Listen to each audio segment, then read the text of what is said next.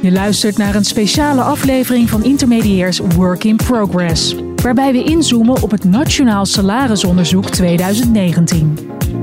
Deze podcast is gebaseerd op een live webinar dat eerder is gegeven. De presentatie is in handen van Jan Meijroos. Te gast is Jaap van Muijen van Nijrode Business Universiteit. Ja, we gaan het vandaag hebben over het Nationaal Salarisonderzoek 2019. Waarom is dit onderzoek zo belangrijk? Omdat we naar de trends kijken in salarisontwikkeling over de verschillende branches. Duidelijk. Voordat we het webinar beginnen, een, paar huishoudelijke mededelingen. Uh, we gaan een aantal stellingen poneren waar je op kunt reageren. We hebben een aantal pollen en we hebben ook open vragen. Ja, en we beginnen uh, ook meteen met een poll, omdat we even willen weten wat voor vlees we in de kuip hebben.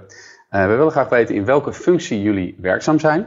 Je kunt kiezen uit vier mogelijkheden. Dat is HR, A, B, recruiter, C, algemeen management directie en D, anders. Nou, we zien al meteen dat uh, de recruiters op dit moment het, het, voortouw nemen. Dat wordt nu alweer een beetje rechtgetrokken door mensen in de HR. Nou, een beetje 50-50 in de HR neemt nu toe. 37. Ja, dat ziet er eigenlijk wel goed uit. Uh, dat is ook wel een beetje naar verwachting. Uh, dan gaan we ook meteen een andere polletje nog doen over de bedrijfsgrootte. Waarin de mensen die dit kijken werkzaam zijn. Is dat A, 1 tot en met 10. B 11 tot 50 werknemers, C 51 tot 250 werknemers, D 251 tot 500, E 500 tot 1000 of F groter dan 1000 werknemers. Dan zien we dat ongeveer nu zo gemiddeld 35% zit op de 11 tot 50 werknemers. Dus dat is ja, een beetje midden, klein, midden-klein bedrijf. Um, we gaan eigenlijk uh, nu eigenlijk meteen door uh, naar een stelling. Want het, die zijn natuurlijk eigenlijk het, het, interessantst. En de eerste stelling luidt: mannen en vrouwen uh, met dezelfde functie, dezelfde werkervaring en hetzelfde aantal dienstjaren horen een gelijk salaris te krijgen. Nou, als je dit mensen op straat vraagt, ja, dan zullen ze daar allemaal gewoon op reageren, natuurlijk. Maar het blijkt dus uit Nationaal Salarisonderzoek dat het dus gewoon niet het geval is. In 95% van de Nederlandse organisaties is een loonkloof. Hoe kan dat? Uh, ja, dat, dat, moet de organisatie zichzelf gaan afvragen. Waarom is er een loonkloof bij ons? Wat heel erg belangrijk is, eh, mensen zeiden van... ja, maar vrouwen werken vooral parttime, uh, minder in leidinggevende functies. Nou, daar hebben wij allemaal voor gecorrigeerd. Dus we hebben gekeken, wat is nu de daadwerkelijke loonkloof? Als je, en dan corrigeert voor leeftijd, opleiding, de branche waar je werkzaam bent, aantal uren dat je werkt. Nou, en daar vinden we gewoon een groot verschil. En het verschil onder de 36 jaar is 6,4 en boven de 35 jaar 8,9. Nou wordt er ook vaak gezegd dat uh, vrouwen misschien wat minder goed in het onderhandelen van hun salaris zijn. Dat ze mannen veel vaker zeuren uh, om een loonsverhoging. Klopt dat? Of is dat inmiddels ook eigenlijk... Kun je dat ja, maar dat is, niet, dat is geen relevante vraag meer. De vraag is, wil jij in je eigen organisatie die loonkloof hebben? En daarmee eigenlijk vrouwen uh, ontevreden maakt.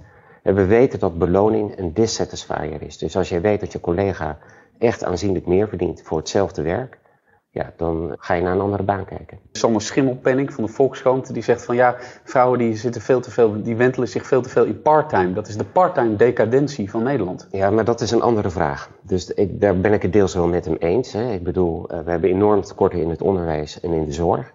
Als elke vrouw daar een uur meer gaat werken, dan zijn de tekorten weg. Dus je ziet ook in onze cijfers dat daar uh, de mediane, het aantal uren dat men werkt, ja, ligt op 32 ergens in, in de 20. Dus dat, dat, maar dat is nu nog geen rechtvaardiging om vrouwen in dezelfde functie, met hetzelfde aantal dienstjaren en dezelfde werkervaring, minder te betalen. Waar, waar komt die vanzelfsprekendheid, die het niet zou moeten zijn, dan toch vandaan? Want je nou, ik weet niet of het vanzelfsprekendheid is. Het is wel zo dat vrouwen in het algemeen blij zijn, die gaan voor de inhoud van de baan. En zijn dan ook blij dat ze die baan krijgen. En het effect daarvan is, is dat ze geen salariseis stellen. En als je na een half jaar erachter komt dat je minder verdient, ja, dan ben je te laat. We hebben hier ook een eh, bericht van eh, Dana die zegt: eh, het geslacht zou niet de zaak moeten doen. Het gaat om de kwalificaties en de toegevoegde waarde die iemand meebrengt. Ja, maar dan heb ik ook voor HR een, een, een vraag eigenlijk. In 2013 vonden we ook al een loonkloof. die was iets kleiner, maar toch ook behoorlijk. En toen zaten, hadden we een presentatie op Nijrode en in de zaal zaten voornamelijk HR-managers. En bijna 80% was vrouw. En ik ben toen die zaal ingelopen en toen heb ik aan verschillende HR, vrouwelijke HR-managers gevraagd van uh, wat vindt u hiervan? En tot mijn verbazing zeiden sommigen, ja weet je, uh, als vrouwen niet beter onderhandelen, ja, dan steken wij gewoon in op het salaris wat we in de advertentie hebben gezet. Terwijl mannen uh, vaak meer vragen, ja, en dat krijgen ze dan ook. Nou, dus ook HR heeft hier een verantwoordelijkheid in. Het is blijkbaar groter geworden, die loonkloof. Dus ze hebben zich nog minder van jouw woorden toen aangetrokken, blijkbaar. Uh, nou ja, dat is beperkt. Alleen, uh, kijk, APG heeft deze zomer gezegd, de CEO heeft gezegd, ik wil het laten uitzoeken of vrouwen in dezelfde functie, met hetzelfde aantal dienstjaren, dezelfde werkervaring, nu evenveel verdienen als mannen. Nou, dat bleek in sommige gevallen 2% te zijn, in andere gevallen 10%. En dat hebben ze gewoon in juni rechtgetrokken. En eigenlijk zul je dit om de twee jaar een dergelijk onderzoek vanuit HR moeten doen, om te zorgen dat vrouwen evenveel verdienen als mannen in dezelfde functie. Oké, dan gaan we even naar de uh, volgende. Het is een open vraag, dus mensen kunnen weer reageren in de chat. Uh, ik weet niet of mensen het weten, maar we zijn er wel heel erg benieuwd naar. Hoe groot is de salariskloof in jouw organisatie? Nou, als je die uh, cijfers niet voorhanden hebt, dan kun je misschien denken van... ik denk dat het ongeveer is, of is er überhaupt een kloof? Is er gewoon geen kloof? Ik denk dat er een kloof is, hij is groot. Leuk als jullie eerlijk reageren. Maar goed, feit is dus dat er nog steeds een, grote salariskloof is. Denk je dat bedrijven ook beter daaraan zouden doen om hun salaris wat meer transparanter te maken? Nou ja, we hebben een tekort op de arbeidsmarkt in een aantal beroepen. En ik denk dat je een uh, preferred employer wordt op het moment dat je heel transparant bent over je beloningen. En dat je aantoont dat vrouwen in dezelfde functie met dezelfde werkervaring, dienstjaren, evenveel verdienen als mannen. Daarmee word je dus een aantrekkelijke werkgever voor vrouwen. Is het zo dat er nog veel onwetendheid is? Dat heel veel mensen misschien denken, bij ons is helemaal geen salariskloof. Dat is heel goed mogelijk. Ik ga niet altijd uit van... Uh, maar daarom is het goed om te onderzoeken. En we hadden heel veel mensen uit kleinere bedrijven. Nou, dat, dat ligt dat voor de hand dat je daar veel beter zicht op hebt. Uh, maar met name de grote bedrijven, uh, tussen de 250 en meer medewerkers, ja, dan, wordt dat, dan moet je dat echt gaan onderzoeken. Nou uh, is er uh, in, de, in de media ook veel naar buiten gekomen. Dat bekt natuurlijk lekker dat het soms wel om een uh, kloof gaat tussen van 5000 euro gemiddeld tussen man en vrouw. Ja, dat is als je naar de mediaan kijkt. Gewoon wat verdienen mannen, wat is de mediaan wat de, mannen verdienen en de vrouw. Daar zie je een kloof van 5000. Daar is niet gecorrigeerd voor parttime, of, of dat is wel gecorrigeerd voor parttime, maar niet voor leeftijd, opleiding, leidinggevende functie, in welke branche zit je. Dat hebben we wel gedaan. En dan krijg je de percentages. En die percentages zijn wel veelzeggend, hè, zoals ik ze net zei. Maar als je dan naar het gemiddelde percentage kijkt van 8%, dat betekent 2735 euro uh, per jaar. Nou hoor ik, uh, krijgen we ook in de chat opmerking van kijkers, uh, wij hebben geen kloof, maar ja, wij zijn dan ook alleen maar vrouwen. Dat is wel grappig. Iemand anders zegt, bij ons is de kloof denk ik vooral in de top. Nou, in de top, hij neemt toe na 36 jaar. Ja. Dat zie je ook. En uh, daar, daar kun je ook wel verklaringen voor hebben. En je ziet ook duidelijk dat vrouwelijke leidinggevenden uh, in de wat hogere functies ook aanzienlijk minder verdienen dan de mannelijke leidinggevenden. Terwijl ze dan tussen haakjes toch dichter bij het vuur zitten, zou je denken? Ja, uh, maar misschien geldt daar weer hetzelfde mechanisme. Dat men zegt, ik ga voor de inhoud van de baan. Ik vind die baan leuk. Ik ben blij dat ik eindelijk in deze functie terechtkom. En daarbij eigenlijk vergeet uh, te onderhandelen. En nog als bij jou alleen maar vrouwen werken, dan is het interessant om te vergelijken met organisaties waar in dezelfde branche, waar meer mannen werken. Betalen jullie dan evenveel als die andere organisatie of betalen jullie toch grosso modo iets minder? Nou, iemand zegt ook, ik doe HR binnen verschillende bedrijven. Daar zie ik dan zelf geen salariskloof. Dat is dan misschien net die 5% uh, die uit het NSO komt. Um, dat uh, is van Ellen. Um, en uh, Mieke zegt kloof tussen hoger en zogenaamde lager opgeleiden. Hoe zit het daar eigenlijk mee?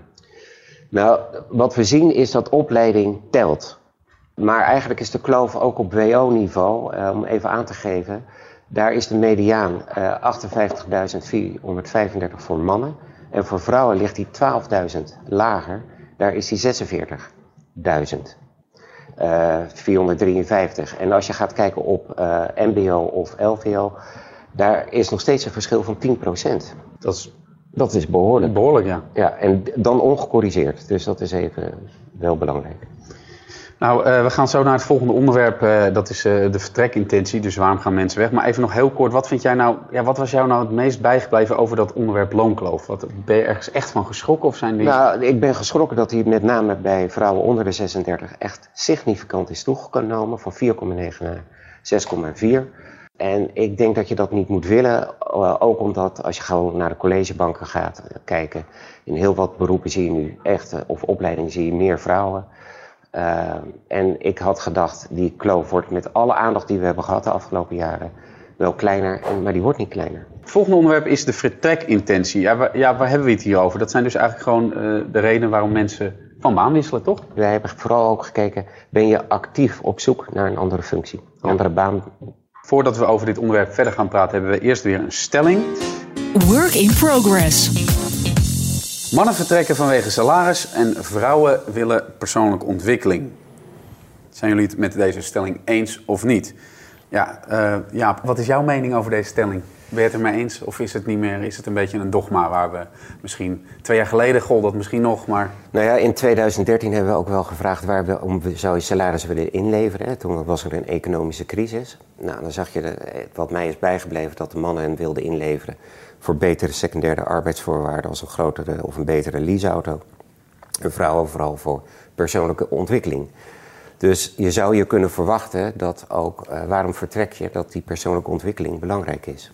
Nou, de resultaten, ik weet niet wat uit de poll komt, maar de resultaten geven in ieder geval aan dat zowel mannen als vrouwen nummer één is om naar een andere baan te gaan, zowel intern of naar een andere werkgever is gewoon het bruto jaarsalaris. Ja, we hebben daar inderdaad een, eh, een, een top 5 ook in het NSO uh, uh, neergezet. En het blijkt dat zowel de vrouwen inderdaad als de mannen...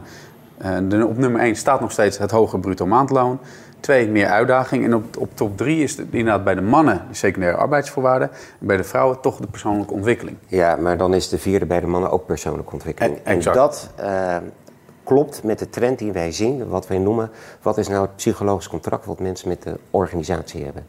En daar zijn grote veranderingen, uh, hebben daarin plaatsgevonden de afgelopen vijf, zes jaar.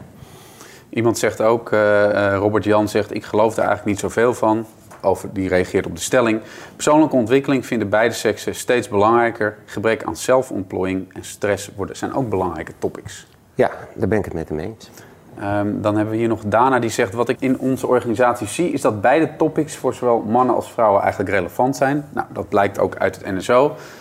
En ja, die, die, die kortere reistijd die staat dan op vijf. Dat is eigenlijk ook gelijk. Maar het zit dus vooral in die be betere secundaire arbeidsvoorwaarden en die persoonlijke ontwikkeling. Nee, het zit hem vooral in de inhoud. Eén, gewoon salaris, plat. Gewoon een hoger salaris. Het leven is ook duurder geworden. Dus, en salarissen hebben zich de afgelopen jaren niet flink ontwikkeld. Hè. Dus, dus salaris is echt een belangrijke motivator om naar een andere baan te gaan.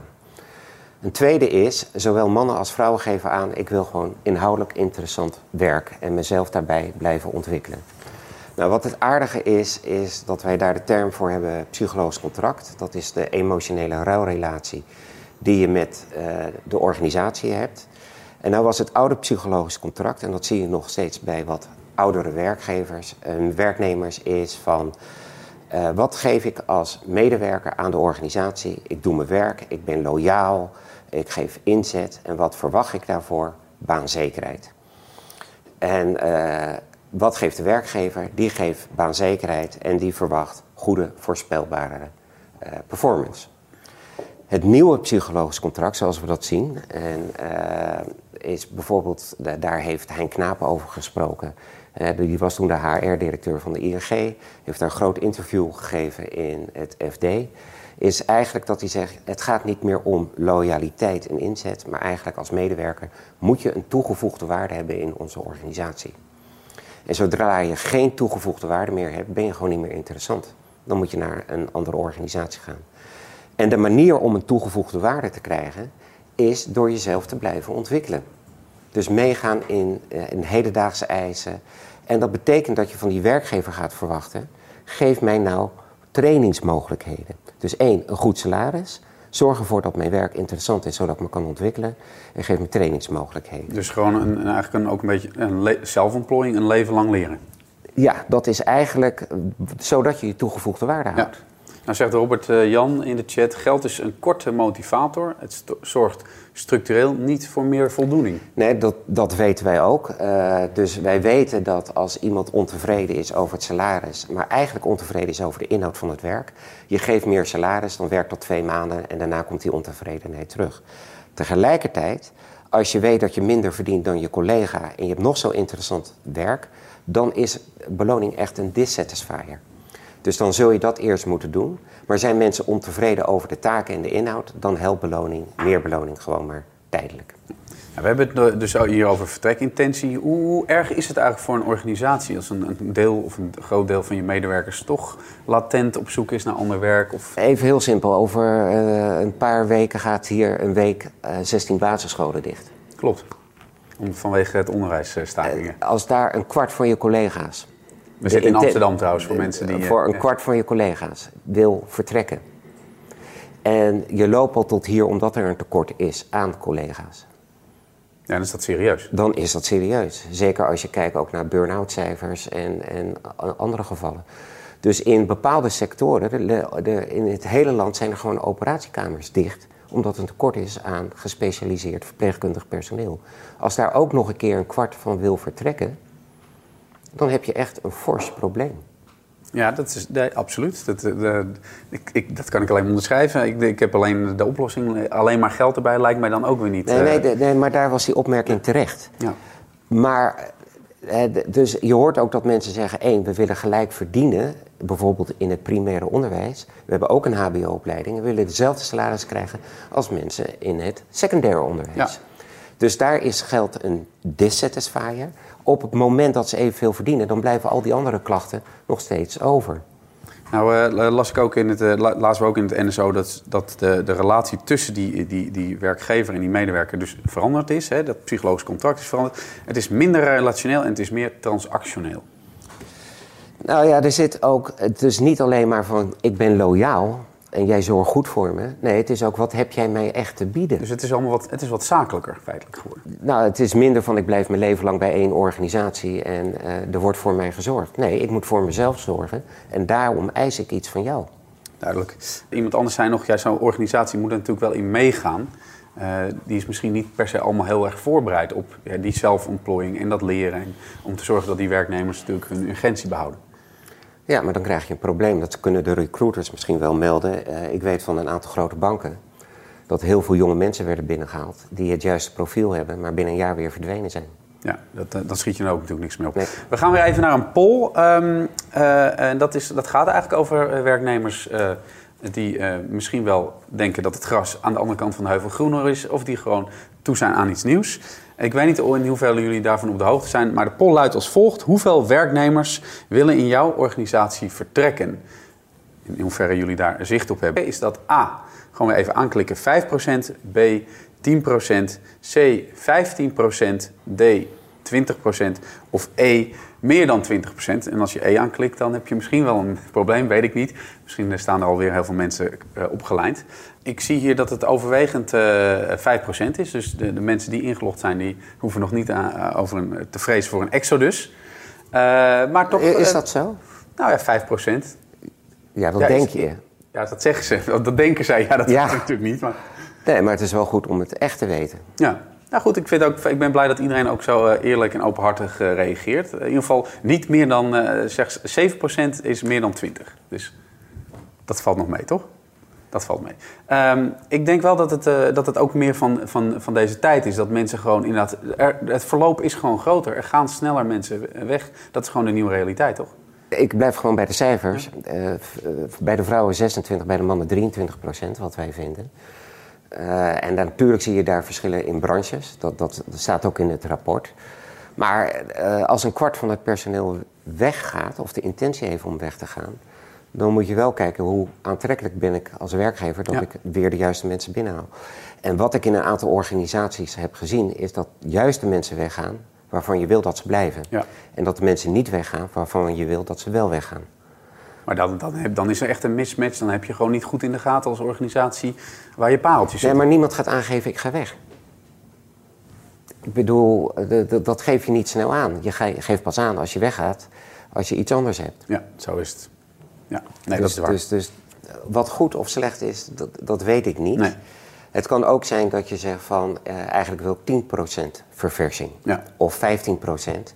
Of het is zo krap dat er 5% te veel is. Dus het hangt af in de sector waarin je zit of iets eh, past of niet Is past. er, is er een wenselijk percentage? Van eh, gemiddeld. Nee, dat kun je niet in zijn algemeenheid zeggen. Als, als ik bijvoorbeeld, eh, ik heb zelf ook leiding gegeven, als ik zwaar geïnvesteerd heb in jonge mensen en die gaan op het verkeerde moment weg, ja, dan baal je. Je kunt ook wel eens hebben dat je zegt tegen iemand, voor jou is het goed na tien jaar om eens weg te gaan. Dus daar kun je geen generieke uitspraak over doen. Pat eh, zegt eh, minder dan 5% komt mede eh, binnen organisaties komt vaak mede door de vrijheid en de flexibiliteit die wij onze werknemers bieden. En een andere, Robert Jan zegt wederom, zorg gewoon dat mensen doen waar ze goed in zijn. Ja. En niet al die, al die randvoorwaarden eromheen. Nou, ik denk Nee, dat, Maar we hebben een deel van mensen in kleine organisaties, dus daar, daar zit je dan ook veel dichter bovenop. ja. En eh Nicky zegt ook, ja, dit, die, die cijfers zeggen misschien ook iets over de representativiteit van de deelnemers aan dit webinar. Ja. Work in progress. Dan gaan wij door naar het volgende onderwerp en dat is ja, inclusiviteit. Eh, nou is dat een heel breed begrip. Eh, voor nu richten we ons even op, met namelijk op, eh, op man, het man-vrouw, ehm, eh, de man-vrouw verhoudingen. Eh, inclusiviteit gaat natuurlijk veel verder Veel dan breder. dat. Veel breder dan dat. Ehm, en daar beginnen we weer met een stelling. En die stelling luidt... In mijn organisatie denken mannen dat vrouwen gelijk, gelijkwaardig worden behandeld als het gaat om salarisverhoging.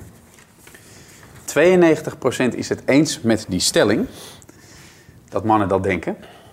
En eh 7%, 93% is het eens in de stelling, met die stelling, 7% is het mee oneens. Het blijkt dus dat inderdaad 60% van de mannen denkt dat dat wel goed zit, maar in de werkelijkheid hebben ze toch gewoon die gapende loonkloof.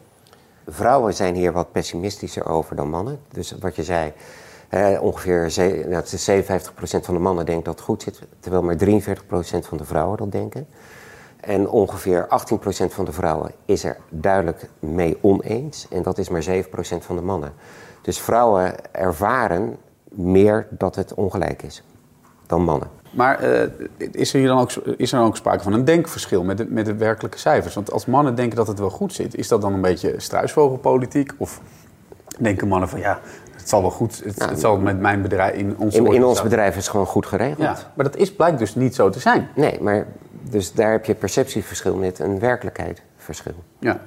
En ehm, eh, wat kunnen we eraan doen om, eh, om eh, die naar, de, naar elkaar te laten groeien? Nou, dat de organisatie transparant is naar buiten over het beloningsbeleid. Nou is het natuurlijk ook zo dat er een van de grote taboes is nog steeds dat er een, niet echt openlijk over salaris wordt gepraat. Misschien mannen en vrouwen onderling wel, maar mannen en vrouwen naar elkaar toe niet. Zou dat ook helpen?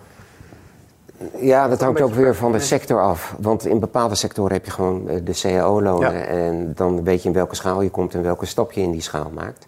Alleen dan zie je nog wel eens dat de vrouw begint op één en de man begint op vier, bijvoorbeeld.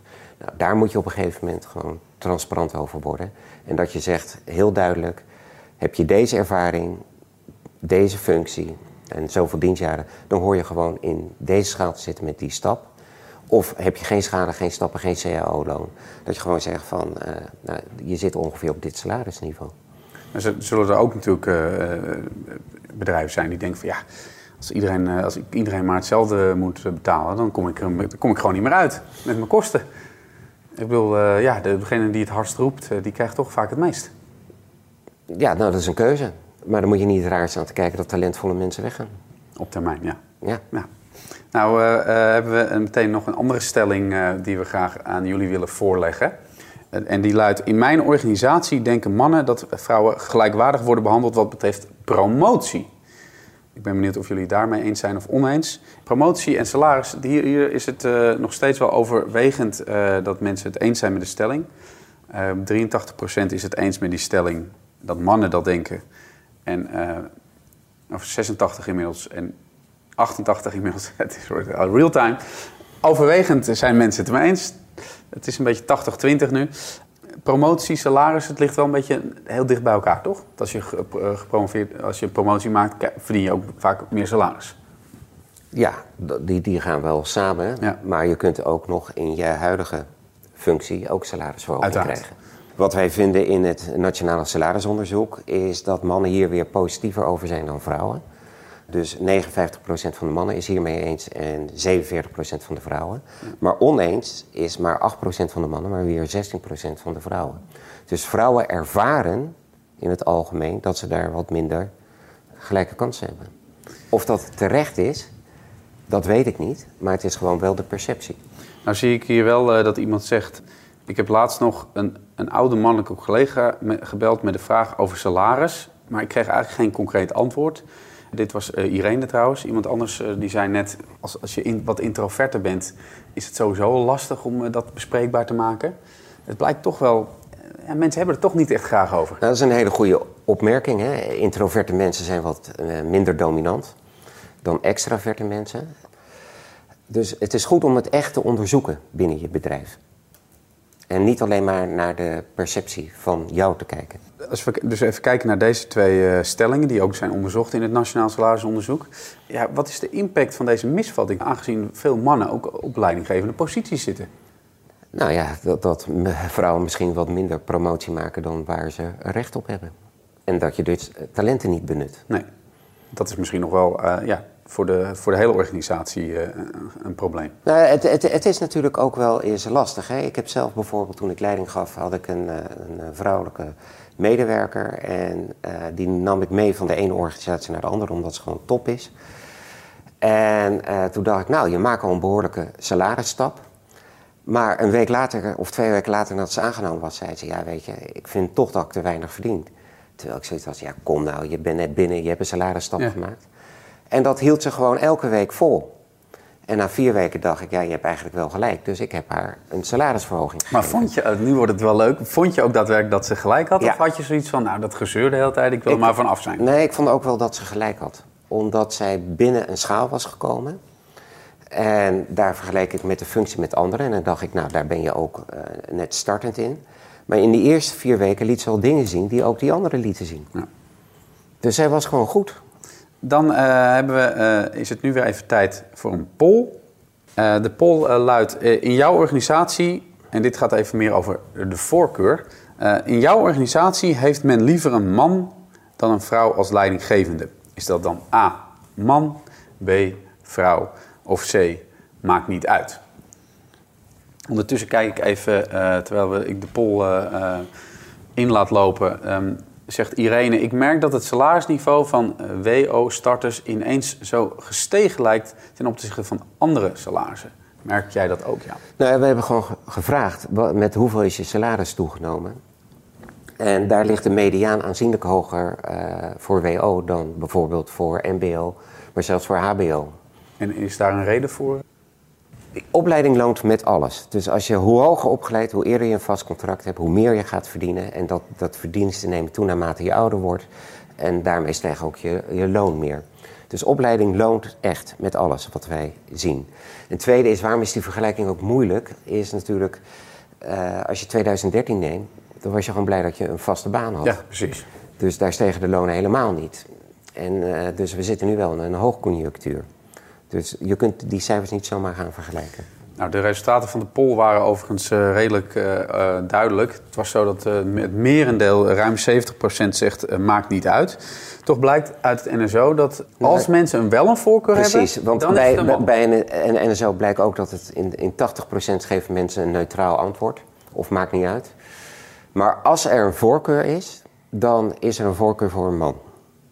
Nou zegt uh, uh, Robert-Jan, die lekker reageert, blijft vooral zo doorgaan, fijn. is er ook gewoon schaarste? Speelt schaarste nog een, een, een rol? een schaarste aan vrouwen die leiding willen gaan geven? Ja. Dat zou best kunnen. En iemand anders zegt, mannen nemen mannen aan. Uh, nemen ook vrouwen vrouwen aan in de Nederlandse cultuur? Nou ja, kijk... Voor zover je daar iets... Wat wij, ik kan alleen maar even over het Nationale Salarisonderzoek. Dus daar hebben we letterlijk gevraagd. Heeft u een voorkeur voor een man of een vrouw als leidinggevende? Merendeel uh, maakt niet uit. We hebben toen gevraagd, maar als je wel een voorkeur hebt... wat we zagen was, zowel bij mannen als vrouwen... hebben ze meer een voorkeur voor een man. Eén uh, op vier zoiets. en, en ook bij vrouwen geldt dat. Toen hebben we de volgende vraag. Heeft u ervaring met een vrouwelijke leidinggevende?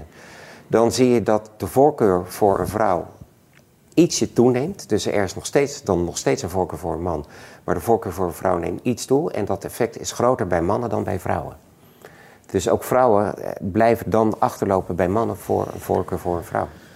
DJ Laan die zegt, uh, hier maken detacheerders ook goed gebruik van. Ik denk dat hij dan bedoelt met uh, dat toch mannen uh, sneller op leidinggevende functies komen. Ja, nou en daar, daar er was één, er werd net ook gezegd van mannen hebben meer een voorkeur voor de man.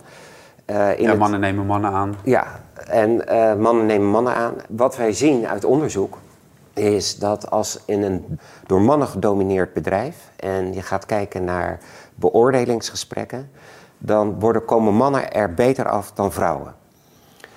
Uh, maar de vrouwen komen het slechtste af bij vrouwelijke leidinggevenden in een door mannen gedomineerd bedrijf. Dus dan moet je heel erg dat mannengedrag vertonen.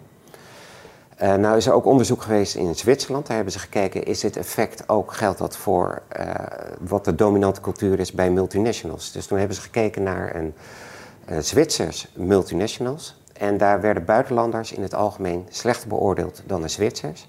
Maar de buitenlanders werden het slechtst beoordeeld door een buitenlandse leidinggevende.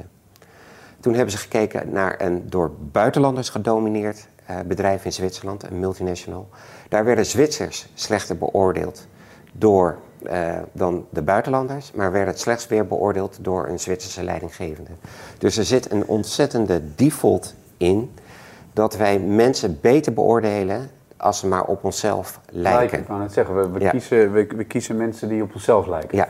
Even kort door. En, en wat, wij, wij hebben nog een vervolgvraag gesteld, een aantal attitudevragen van wat vinden we nou typisch mannelijk gedrag en wat vinden we typisch vrouwelijk gedrag. En wat kwam daar het meest nou, Zowel mannen als vrouwen geven aan dat typisch mannelijk gedrag, mannelijk leidinggevend gedrag, is risico nemen, harde beslissingen nemen, uh, dominant zijn, aanwezig zijn en hechten aan statussymbolen. Dus een grote auto, grote kamer, maakt niet uit. En typisch vrouwelijk gedrag komt dan naar voren, is praten over eigen gevoelens, fouten toegeven, rekening houden met anderen en heel verrassend oog hebben voor details. Nou, dan... Eh, je zou denken, die, die laatste zijn eigenlijk best wel belangrijk. Ja, dus wat, wij, wat je ziet is, hè, en daar hebben ook wel verschillende eh, mensen gezegd, het, belangrijkste is bijvoorbeeld bij mij bijgebleven is Nelly Kroes. Die zei, stel voor dat die brothers sisters waren geweest in het geval van de Lehman Brothers. Ja, Lehman Sisters. Ja. hadden we dan ook in de crisis gezeten. vandaar hebben we een aantal van die typisch mannelijke eigenschappen gezien.